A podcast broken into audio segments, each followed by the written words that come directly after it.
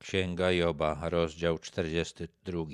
Wtedy Job odpowiedział Panu, mówiąc: Wiem, że Ty możesz wszystko i że żaden Twój zamysł nie jest dla Ciebie niewykonalny. Któż jest w stanie zaciemnić Twój zamysł nierozsądną mową? Aleć to ja mówiłem nierozumnie, aleć to ja mówiłem nierozumnie o rzeczach cudownych dla mnie, których nie rozumiem.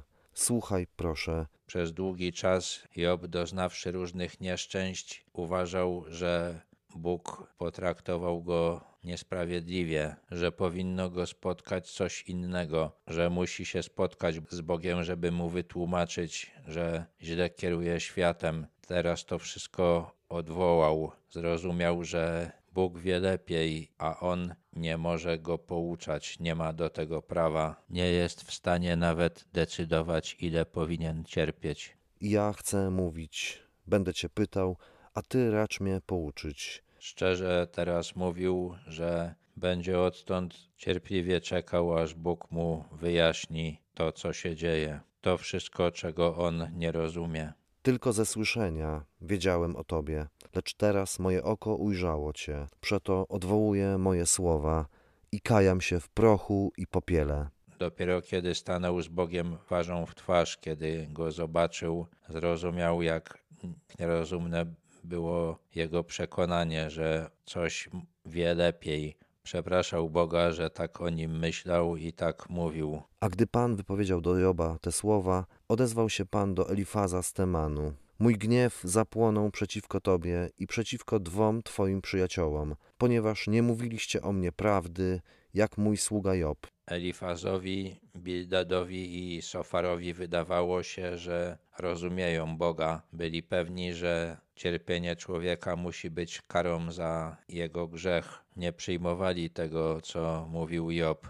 Bóg przyznał rację Jobowi. Powiedział im, że rozgniewali go, chcąc go obronić. Dlatego teraz weźcie sobie siedem byków i siedem baranów, idźcie do mojego sługi Joba i złóżcie je na ofiarę całopalną za siebie, a Job, mój sługa, będzie się modlił za was, gdyż tylko jego modlitwy wysłucham, by nie uczynić wam czegoś złego, gdyż nie mówiliście o mnie prawdy, jak mój sługa Job. Siedem byków i siedem baranów to była duża ofiara i duży uszczerbek w majątku. To na pewno pokazało Elifazowi, Bildadowi i Sofarowi, że to, co mówili, naprawdę Boga rozgniewało. Bóg też wyraźnie powiedział, że tylko Job może się wstawić za nimi, tylko jego modlitwa może uratować ich od nieszczęścia.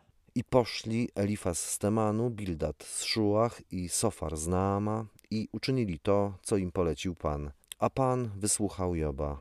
Pan zmienił los Joba, gdy wstawiał się ze swoimi przyjaciółmi i rozmnożył Pan Jobowi w dwójnasób wszystko, co posiadał. Przyjaciele posłuchali Boga, uznali swoją winę, a Job modlił się za nich. Przeszedł straszną próbę. Bóg zabrał mu wszystko, co kochał, i okazało się, że szatan nie miał racji. Job nie złorzeczył Bogu, nie zbuntował się, ale ta próba zakończyła się dopiero wtedy, kiedy Job wstawił się za swoimi przyjaciółmi, którzy go udręczyli dodatkowo w czasie jego nieszczęścia. Dopiero wtedy Bóg odmienił jego los. Wtedy przyszli do niego wszyscy jego bracia, wszystkie jego siostry i wszyscy jego dawni znajomi i jedli z nim chleb w jego domu.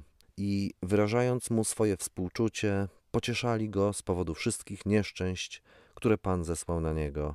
I dał mu każdy z nich po jednym srebrniku i po jednym złotym pierścieniu.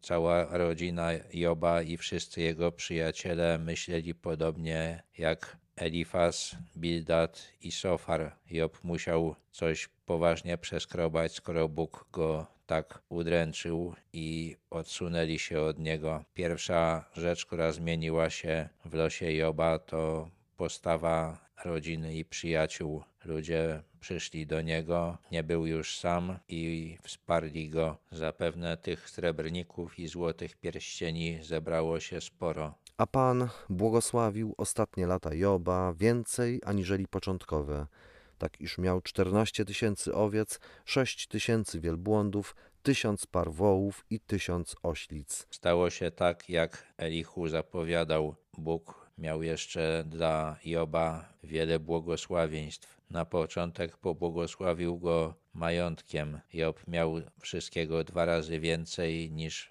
przed tą próbą. Miał także siedmiu synów i trzy córki. Te dzieci Joba, które zginęły, nie odzyskały życia, ale Bóg dał mu nowe dzieci, tyle samo, ile miał poprzednio. I nazwał pierwszą Jemina, gołąbek, drugą Kesja, miły zapach, a trzecią Kerenhappuch, flakonik do pachnideł. W całym kraju nie było tak pięknych kobiet jak córki Joba i dał im ojciec ich dział dziedziczny wśród ich braci.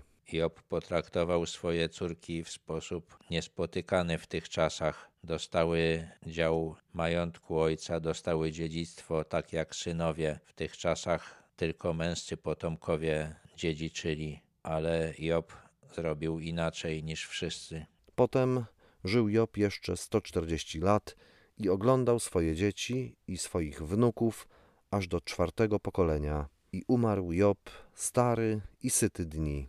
Job żył jeszcze bardzo długo. Było to niedługo po potopie i ludzie jeszcze mogli żyć kilkaset lat. Autor księgi Joba pisał o potomkach. Najwidoczniej to była jedna z największych radości Joba, że mógł oglądać swoje dzieci, swoje wnuki i swoje prawnuki. To, co przeszedł, nauczyło go szukania Bożej woli i dlatego umarł syty dni, czyli zrobił wszystko lub prawie wszystko, co Bóg dla niego zaplanował, i kiedy umierał, nie było już niczego, co chciałby przeżyć na tej ziemi.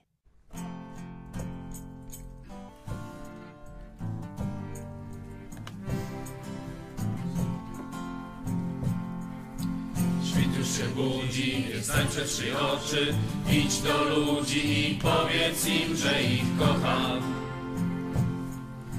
Słońce już wstało, ciepło wokoło Ludzie wokoło, więc powiedz im, że ich kocham. Posyłam was na każdy dzień Bo ludzie wciąż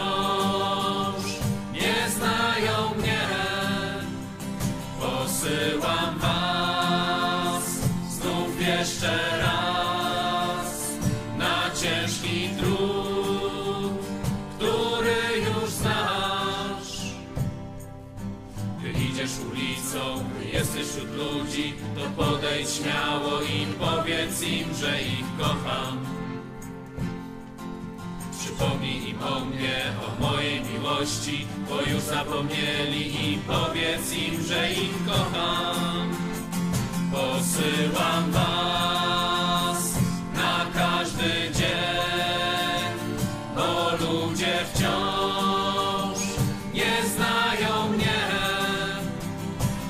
Posyłam was znów jeszcze raz na ciężki trud, który już znasz. Posyłam was na każdy dzień, bo ludzie wciąż